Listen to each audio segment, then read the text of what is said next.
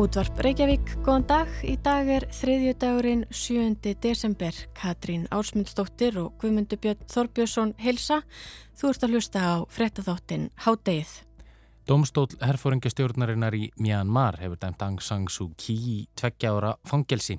Aung San Suu Kyi er fyrir um leittói landsins og formaður NLD-flokksinn sem hlaut meiri hluta á þingi í kostningum skömmu fyrir valdarán hersins í februar. Aung San Suu Kyi var sett í haldi valdararnu og, síðan þá hefur herstjórnin lagt fram hverja ákjæruna á, hendur, á fætur annari á hendur henni. Í gær var hún dæmt í fjögur ára fangilsi fyrir að kvetja til ófriðar og fyrir brot á sóttarnarlögum. Dómurinn var setna sama dag stittur í tvö ár. Hins vegar á henn 76 ára gamli fríðaverðina hafi Nobels yfir höfði sér alltaf 100 ára fangilsi verðan hún dæmt seg fyrir öll hinn ákjæru atriðin sem býða þess að verða tekin fyrir í domstóli herfóringja stjórnarinnar sem gaggrindur segja langt frá því að vera óvilhallur og sangjarn.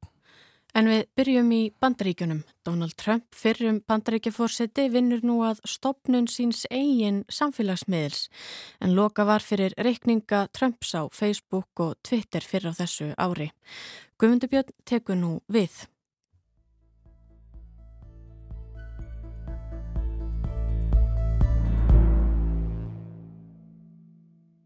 Sjaldan eða líklega aldrei hefur samfélagsmiðla notkun eins manns vakið jafnmikli aðtikli og í tilfelli Donalds Trump fyrir um bandrækjafósita. Allt frá því hann hóf kostningabaratu sína fyrir kostningarnar 2016 og þar til rekningnum hans á Facebook og Twitter var lokað í upphafi þessa árs fór Trump með heiminskautum á samfélagsmiðlum. Þessarar nýju sívaksandi tegundmiðla sem gegna æg stærri hlutverki í líf okkar.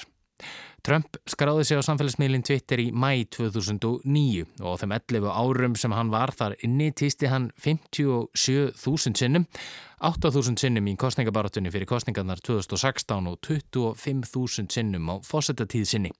Á meðan hann sat á fósettastóli hafði kvítahúsið gefið það út að týst Donalds Trump mætti tólka sem ofinberar yfirlýsingar. Mörg hver af týstum Donalds Trump voru svo yfirgengilega förðulega að maður hreinlega trúði ekki því sem maður sá. Þetta var oft á tíðum sangkvöldluð veistla fyrir þann sem starfar við að flytja erlendar fréttir. Í mars 2014 saði hann þetta. Heilbriðt ung barn fyrir til læknis, fær fullt af bóluöfnum, líður ekki vel og breytist. Engferfa. Mörg svona tilfelli. Ári áður gerði hann grindarvísitölu sína að umtalsefni.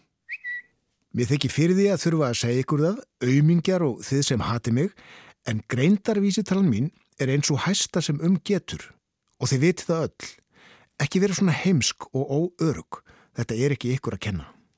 Í september 2014 greindi hann frá þeirri skoðun sinni að vindmilur sem þykja jú umkörðisvætn orkugefi verði nú heldur betur ekki að finna góða. Vindmilur eru mesta óknin við skallaerni og gullerni í bandreikunum. Fjölmila segja hins vegar að þinn uppspunna hlínunjarðar sé verri. Eftir að Trump tók við sem fósetti gaf hann í á samfélagsmiðlum, hjólaði í pólitíska andstæðinga sína og fór með tímanum að hanna sína eigin sögulínu, sína eigin atbyrðarás. Í upphafi kórunveru faraldur sinns notaði hann Twitter óspart til að gera lítið úr alvarleika verunar.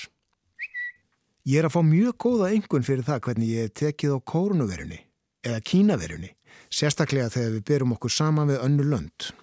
Skemst er frá því að segja að bandarækjumenn brúðust fyrstum sinn ræðilega illa við útbreyslu kórnuverunar og flest döðsföll af völdum hennar eru í bandarækjunum. Og þá greindi Trump frá því í mars 2018 að Joe Biden vildi slást við sig. Brjálaði Joe Biden er að láta eins og hans í harðjagsl. Í raun er hann veikjaða, bæði andlega og líkanlega, en samt er hann að hóta mér því að ráðast á mig og það í annars skipti. Hann þekki mig ekki en hann myndi skýt tapa þeim slag og fara niður hratt og grenjandi. Ekki hóta fólkidjó. Það var svo í upphafi þessa árs eftir árás stuðningsmanna Trumps á þingusíði í Washington sem Twitter let loka fyrir rekning Trumps. Facebook fylgdi svo í kjálfarið. Þetta var skömmu áður en hann let af ennbætti fórseta og taldi Twitter að týst Trumps ælu á hatursorðræði og kvöttu til óeiningar í bandarísku samfélagi. Til allra þeirra 75 miljón föðurlandsvina sem kursu mig. Amerika fyrst. Gerum bandaríkin frábæra nýju. Ykkar rödd mun heyrast áfram og þið verðið ekki virtað vettu í. Ég mun ekki mæta á víkslu aðtöfn Joe Biden. Twitter taldi að týst fósittans gefi til kynna að hann ætlaði ekki að láta völdum friðsamlega og að hann væri að gefa til kynna að kostningarnar í november 2020 hefði ekki verið lögmætar. Þegar Twitter ákvaða að loka endanlega fyrir reikningi Trumps í janúara þessu ári hafði hann 88,9 miljónir fylgjenda. Aðeins knaspitumæðurinn Cristiano Ronaldo, tónlistafólkið Rihanna, Katy Perry og Justin Bieber og fyrirrennari Trumps í Kvítahúsinu, Barack Obama, hefðu fleiri fylgjendur. En Trump leta af ennbætti og hafði hægt um sig fyrstu mánuði Joe Bidens á valdastóli. En hefur svo hægt og bítandi verið að koma fram á sjónasögið á nýjanleik og telja frettaskýrindur vestra að Trump ætti sér að setjast aftur á fósetastólin að þessu kjörtímabili loknu. En hvað gerir samfélagsmiðla laus maðurinn? Maðurinn sem nöyt gífilegs fylgis og hafi gífileg áhrif á samfélagsmiðlum þegar hann er bannaður á þeim stærstu. Jú, hann stopna bara sinn eigin. Former President Donald Trump is launching his own social media site. The app Truth Social is expected to launch in February. Í oktober á þessu ári grindu fjölmjöla frá því að Trump væri nú að þróa sinn eigin samfélagsmiðl, Truth Social, eða samfélagssannleikan. Now this move comes nine months after Trump was suspended from social media for his role in inciting the Capitol insurrection. Eins og frettamæður CNN greini frá hér gerist þetta eins nýju mánuðum eftir að Trump var bannaður á Twitter og Facebook. Þegar er hægt að sækja um aðgangað miðlinum en talið er að hann fari í loftið snemma á næsta ári. Í vikunni greindi svo Trump Media and Technology Group, nýtt móðurfélag samfélagsmiðilsins, frá því að miðlinn hefði aflað einum miljardi bandryggjadólara eða því sem nemur ríflega 130 miljardum íslenskra króna í hlutafið frá fjárfestum. Að því tilefni saði Trump sjálfur að þessi mikla fjárveiting frá fjárfestum sendi skýr skilabóð til stóru tæknirísana, Big Tech, sem Trump hefur harlega gaggrínt, um að reitskóðun og pólitísk mismunun verði að hætta. Trúð sósjál verði miðvillar sem fólk geti talað saman án þess að ég á hættu að vera mismunað vegna pólitískra skoðana. Ekki er vitað hvaða fjárfæstar er á bakvið þessa ógnar háu uppæð en fjölmörg fjárfæstikafyrirtækja á Wall Street hafðu áður gefið út að þau myndi ekki taka þátt í að fjármagna þetta verkefni fórsetans fyrirverandi. Hvort þessi tala, 130 miljardar, er bara tilbúningur í höfði Donalds Trump á eftir að koma í ljós. En frettarskýrindur eru þó einum álu um að Truth Social muni opna á næsta ári og maðurinn sem elskaði samfélagsmiðla og nótendur samfélagsmiðla elskuðu, hötuðu eða elskuðu að hata, fær aftur sinn reikning.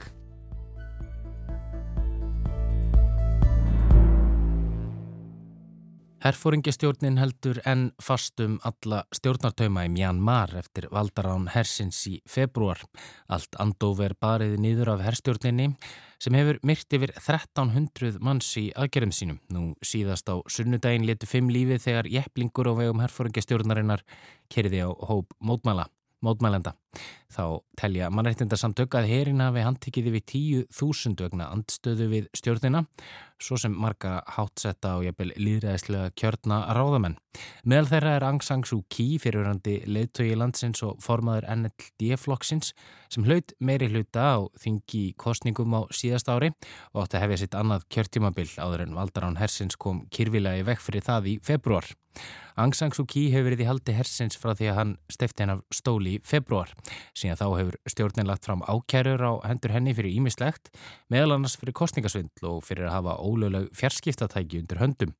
Í gær lög fyrsta dómsmálinu af eflust þó nokkrum gegn Aung San Suu Kyi. Þá dæmdi domstól herfóringastjórnarinnar hann í fjögur ára fangilsi fyrir að hvetja til ófriðar og fyrir sóttvarnarlaga brott. Dómurinn var síðar um daginn stittur í tvö ár en hins vegar er enn af nægum ákjærulegum á taka. Verði þessi 76 ára gamli fríðavelna hafi Nobels tæmt seg í þeim öllum, getur hún átti verið höfðið sér 100 ára fangelsi. Hér tekur Katrín við.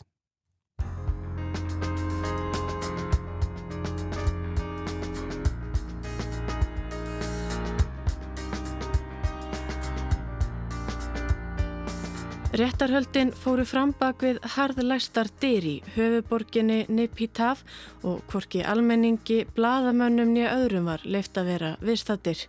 Í ofanálag hefur verjenda hennar verið meinað að ræða við bladamenn og frettafólkum málaferlin. Það er því alls ekki ljóst hvað fór fram í dómsal herfóringjastjórnarinnar, hver mála tilbúnaður stjórnarinnar var, hvort stöðst var við einhver sönnunagögn í málinu, hvort réttarfarsreglum var fyllt og þar fram eftir gödunum. Það er þó vitað að Aung San Suu Kyi fyrrum leiðtói Mjanmar var dæmd í fjórára fangelsi í gær. Annars vegar var hún dæmd í tveggjára fangelsi fyrir sóttvarnalaga brot sem hún á að hafa framið í kostningabaróttu sinni haustið 2020. Hins vegar var hún dæmd í tveggjara fangelsi fyrir undirróður og fyrir að hafa kvart til óhlýðinni gegn herfóringjastjórninni en tilkynning sem byrt var á netinu í nafni flokks hennar en LD-flokksins í kjölfar valdaránsins þar sem alþjóða samtök og stopnanir voru kvartar til að halda sig frá hvers konar samstarfi og samvinnu við herfóringjastjórnina er talin vera grundvöllur dómsins. Fyrrum fórseti Mjanmar vinn mynd var einnisaður segur um sama brot. Seitna sama dag og dómurinn var kveðin upp á hvað yfirmaður herfóringjastjórnarinnar þó að tvö ár skildu duga og stitti bæði dóm Sú Kí og fórsetans fyrverandi um helming samkvæmt ríkisfjölmjölum landsins.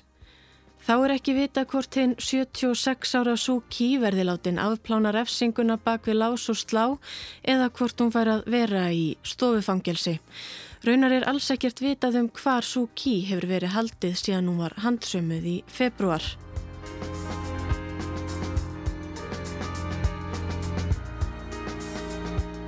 En hvar sem fríðarverlunahafinn verður látin dúsa er þó talinari víst að málaferlin gegn henni sjöðins rétt að byrja að hún sleppi ekki með tveggja ára dóm. Því frá því að hún var handsömuð hefur herfóringjastjórnin lagt fram hverja ákeruna á fætur annari gegnani, sakaðan um minst 11 lögbrott, kostningasvindl, spillingu, uppljóstrun ríkislindamála, að hafa ólöglega þegið fjö og gull og haft ólögleg fjarskiptatæki eða talstöðvar í fórum sínum og síðast en ekki síst sakaðan um fleiri sótvarnalaga brott og það er aldrei að vita nema ennegi eftir að bætast í ákærubunkan. Við sumum þessara brota getur leið alltaf 15 ára fangelsisvist svo það er ljóst að verði Aung San Suu Kyi dæmt seg í einhverjum af þeim dómsmálum sem býðinar getur nátt yfir höfði sér ára tuga fangelsisvist.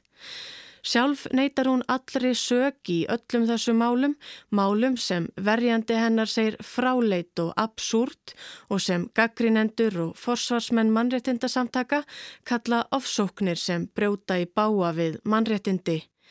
Kærurnar séu upp lognar og fáránlegar og réttarhöldin og dómurinn því samkvæmt því, segir Yang Hee Lee fyrir um erindreki saminuðu þjóðana í mannréttindum í Mjanmar sem hafnar dómnum.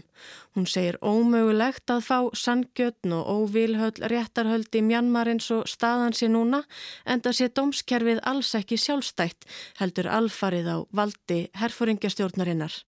Any trial in Myanmar is not a fair process. The Myanmar does not have an independent judiciary. And in this situation, under the junta, the SAC is uh, overseeing everything and all the judiciary processes. And therefore, one cannot say it's anywhere near being fair and independent. Þá segir Sasa talsmaður National Unity Government, þess sem hefði átt að vera ríkistjórn Mjanmar samkvæmt síðustu kostningum í landinu, dómin vera Mjanmar til háborinnar skammar.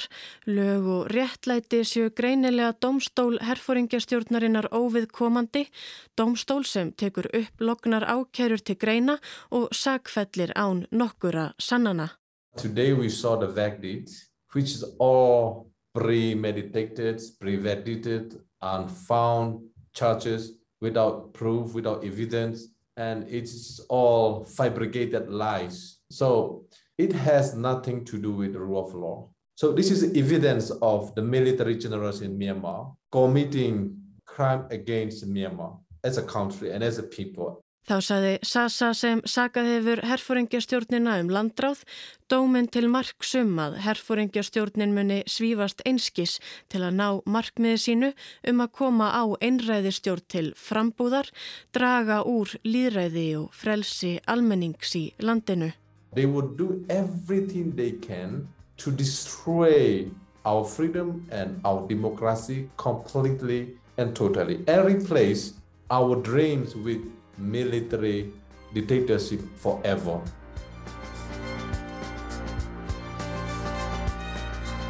Og gaggrinendur virðast nokkurn veginn á einu máli um einmitt þetta að herfóringjastjórnin svífist einskis ætli sér að gera allt sem í hennar valdi stendur til að halda í stjórnartaumana og réttlæta valdaránið.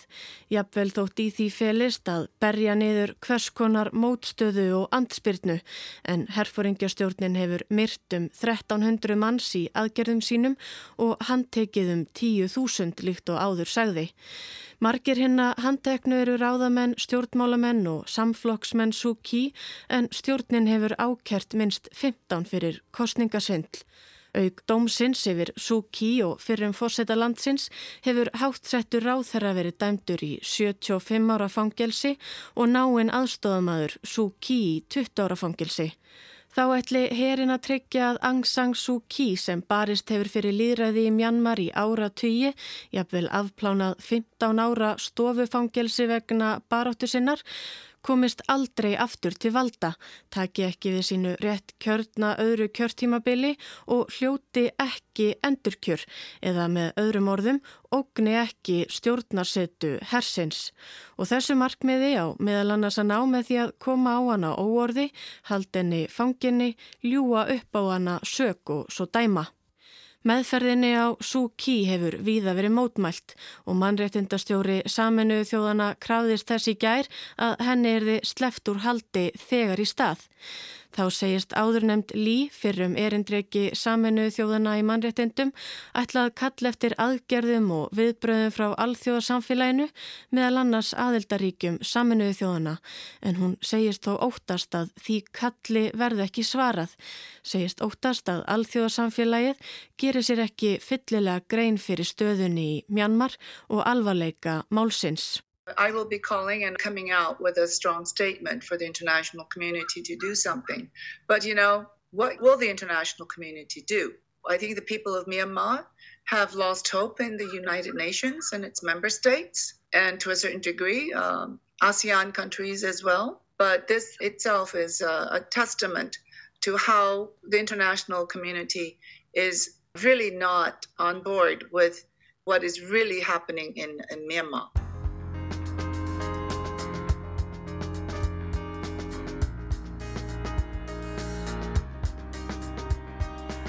Það er svo bara að býða og sjá, býða og vona að Lí hafi rámt fyrir sér og að kall hennar nái eirum alþjóðasamfélagsins.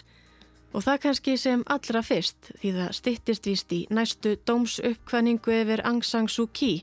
Það kemur vist í ljós í lok næstu viku hvort og þá hversu mikið bætist við fangelsistómin í næstu umferð réttarhalda yfir henni af eflust mörgum.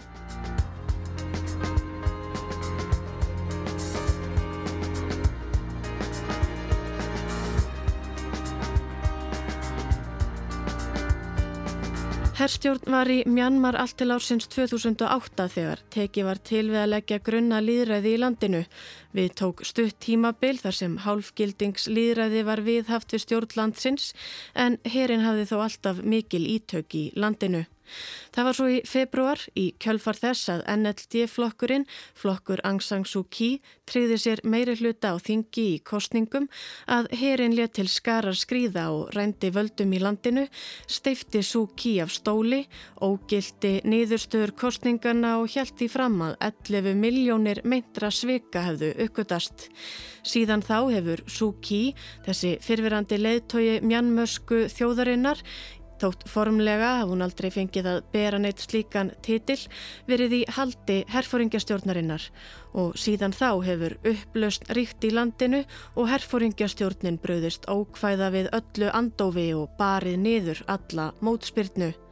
Minn Anglang, leiðtogi herstjórnarinnar lofar þó betrum bótum, heitir kostningum og afléttingu neyðar ástands í Mjanmar eigi síðar enn í ágúst 2023. En hvort þær kostningar verði líðræðislegar og réttmætar, hvort réttkjörni ráðamenn fái að taka þátt í kostningunum og frambóðinu og hvort yfir höfuð lofórð herrleigtóans standi á enn eftir að koma í ljós.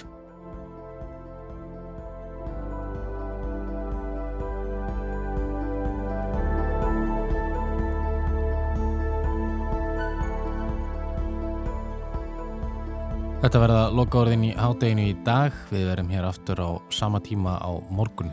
Þátturinn er einnig aðgengilegur í spilaranum og á hlaðvarpsveitum og þá er þetta að senda okkur post með ábendingum á netfangið hádegið hjá rúf.is.